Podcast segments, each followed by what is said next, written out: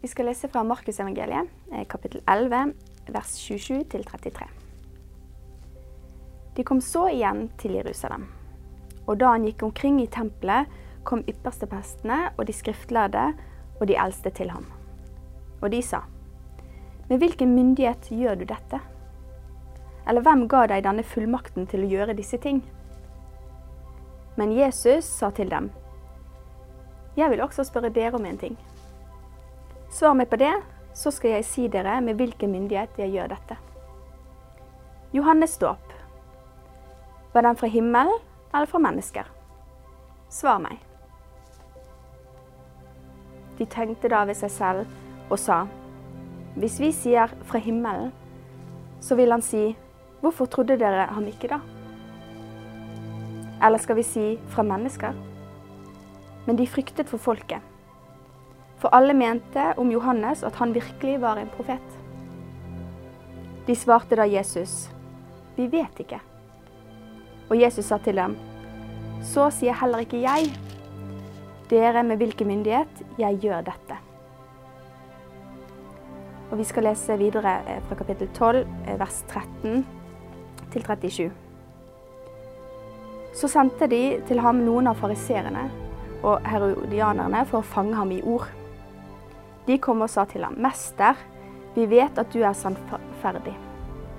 Du bryr deg ikke om hva noen sier, og gjør ikke forskjell på folk, men lærer Guds vei i sannhet. Si oss, er det tillatt å gi keiseren skatt eller ikke? Skal vi betale eller ikke betale? Men han skjønte deres hykleri og sa til dem, Hvorfor frister dere meg? Gi meg hit en denar, så jeg får se på den. De ga han den en. Og han sier til dem, Hvem har sitt bilde og sin påskrift her? De sa til ham, Keiseren. Og Jesus sa til dem, Gi keiseren det som keiserens er, og Gud det som Guds er. Og de undret seg meget over ham. Noen sadukere kom så til ham, de som sier at det ikke er noe oppstandelse. De spurte ham og sa, Mester, Moses har foreskrevet oss at dersom en mann dør og etterlater seg hustru, men ingen barn, da, skal hans bror gifte seg med enken og holde oppe slekten for sin bror. Nå var det sju brødre. Den første tok seg en hustru, men døde uten å etterlate seg barn. Den andre tok henne da, men døde et, uten å etterlate seg barn. Den tredje likeså. Ingen av de sju etterlot seg noen barn. Sist av alle døde også kvinnen. Men i oppstandelsen, når de står opp, hvem skal da ha henne til hustru? Alle de sju har jo hatt henne til hustru. Jesus sa til dem, Er det ikke derfor dere farer vill, fordi dere ikke kjenner Skriften og heller ikke Guds kraft? For når dere står opp fra de døde, verken tar de til ekte eller blir gitt til ekte, men de er som englene i himmelen.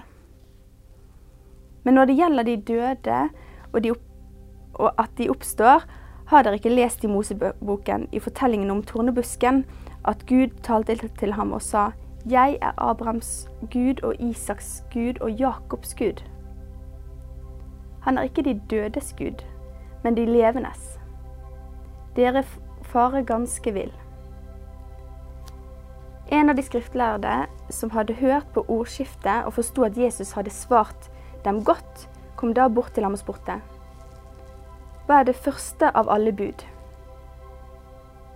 Jesus svarte, Dette er det første av alle bud. Hør, Israel. Herren vår Gud, Herren er én. Og du skal elske Herren din Gud av hele ditt hjerte og av hele din sjel og av all din fornuft og av all din makt. Dette er det første bud. Det andre, som er like stort, er dette. Du skal elske din neste som deg selv. Det finnes ikke noe annet bud som er større enn disse. Den skriftlærde sa til ham, Godt, mester. Det er sant det du sier, at han er én, og at det ikke er noen annen foruten ham. og det å elske ham av hele hjertet og av all forstand og av all makt, og elske sin neste som seg selv, det er mer enn alle brennoffer og slakteoffer. Da Jesus så at han svarte forstandig, sa han til ham, Du er ikke langt borte fra Guds rike. Og ingen våget å spørre ham mer. Mens Jesus lærte i tempelet, tok han til orde og sa, hvordan kan de skriftlærde si at Messias er Davids sønn? David har jo selv sagt i Det hellige ånd, Herren sa til min Herre, sett deg ved min høyre hånd til jeg får lagt dine fiender under dine føtter. David selv kaller ham altså Herre. Hvordan kan da han være hans sønn? Og den store folkemengden hørte ham gjerne. På tirsdag i påskeuka var det mange forsøk på å svartmale Jesus. Folk stimla seg rundt Jesus. Og det er helt naturlig etter de forrige dagers hendelser. De religiøse lederne ser sitt snitt til å vippe Jesus av pinnen foran alle sammen. Fra forskjellig hold så angriper de. De angriper Jesus med fire feller for å prøve å fange han i ord. Felle nummer én. Med gårsdagens renselse av tempelet i bakhodet så spør jødene med hva fullmakt gjør du dette? Hvis Jesus svarer noe som kan tolkes blasfemisk, så kan de steine han. Men Jesus spør tilbake Johannesdåpen, var den fra himmelen eller fra mennesker? Og så fanger Jesus jødene. For hvis de svarer den er fra himmelen, så må de òg følge Johannes' kall til å vende seg om og følge Guds lam, Jesus.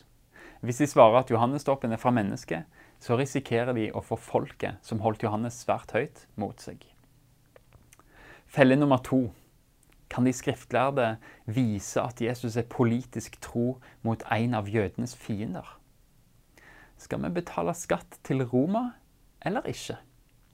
Hvis, han, hvis Jesus svarer ja, så knuser han alle håp folket har til han som Messias.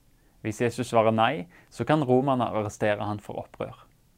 Men Jesus unngår dilemmaet.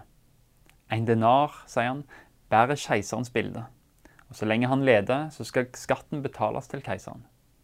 Men vi skal òg gi til Gud det som er Guds. Og siden mennesker er skapt i Guds bilde, så er alt vi er og har, Guds eiendom. Betal skatten din til keiseren, men tilbe Gud alene. Felle nummer tre. Da er det sadukeerne, som ikke tror på noen oppstandelse. De ville latterliggjøre Jesus med en rar case om giftermål i himmelen. Men Jesus forklarer de enkelt at oppstandelsen er en sannhet, i og med at Gud presenterer seg som en Gud for de levende, og ikke for de døde.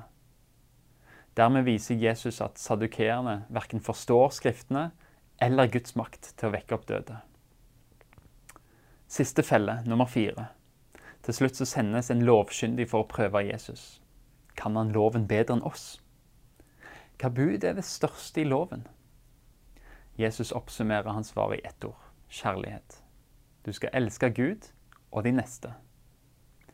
Den lovkyndiges konklusjon er du svarer svært godt, mester. Og Når Jesus har navigert seg trygt gjennom alle disse fellene, så er det hans tur å stille spørsmål. Og Han spør, stiller et spørsmål med utgangspunkt i Salme 110. Hvis David kaller Messias for Herre, så må han vel være mer enn et menneske, denne Messias. Ingen kunne svare han et ord. Og fra den dagen våga heller ingen å spørre han mer. Sånn befester Jesus sin posisjon som den mest skriftlærde av de alle. Og Han bruker anledningen til å kritisere de religiøse lederne som blinde veiledere og som hyklere, som med sin selvrettferdighet arbeider mot sannheten og mot nåden. Begge parter, Jesus og de skriftlærde, de kan ikke komme ut av dette med æren i behold. Og de jødiske lederne ser at Jesus vil få altfor mye makt. Ellers så må han tas av dage.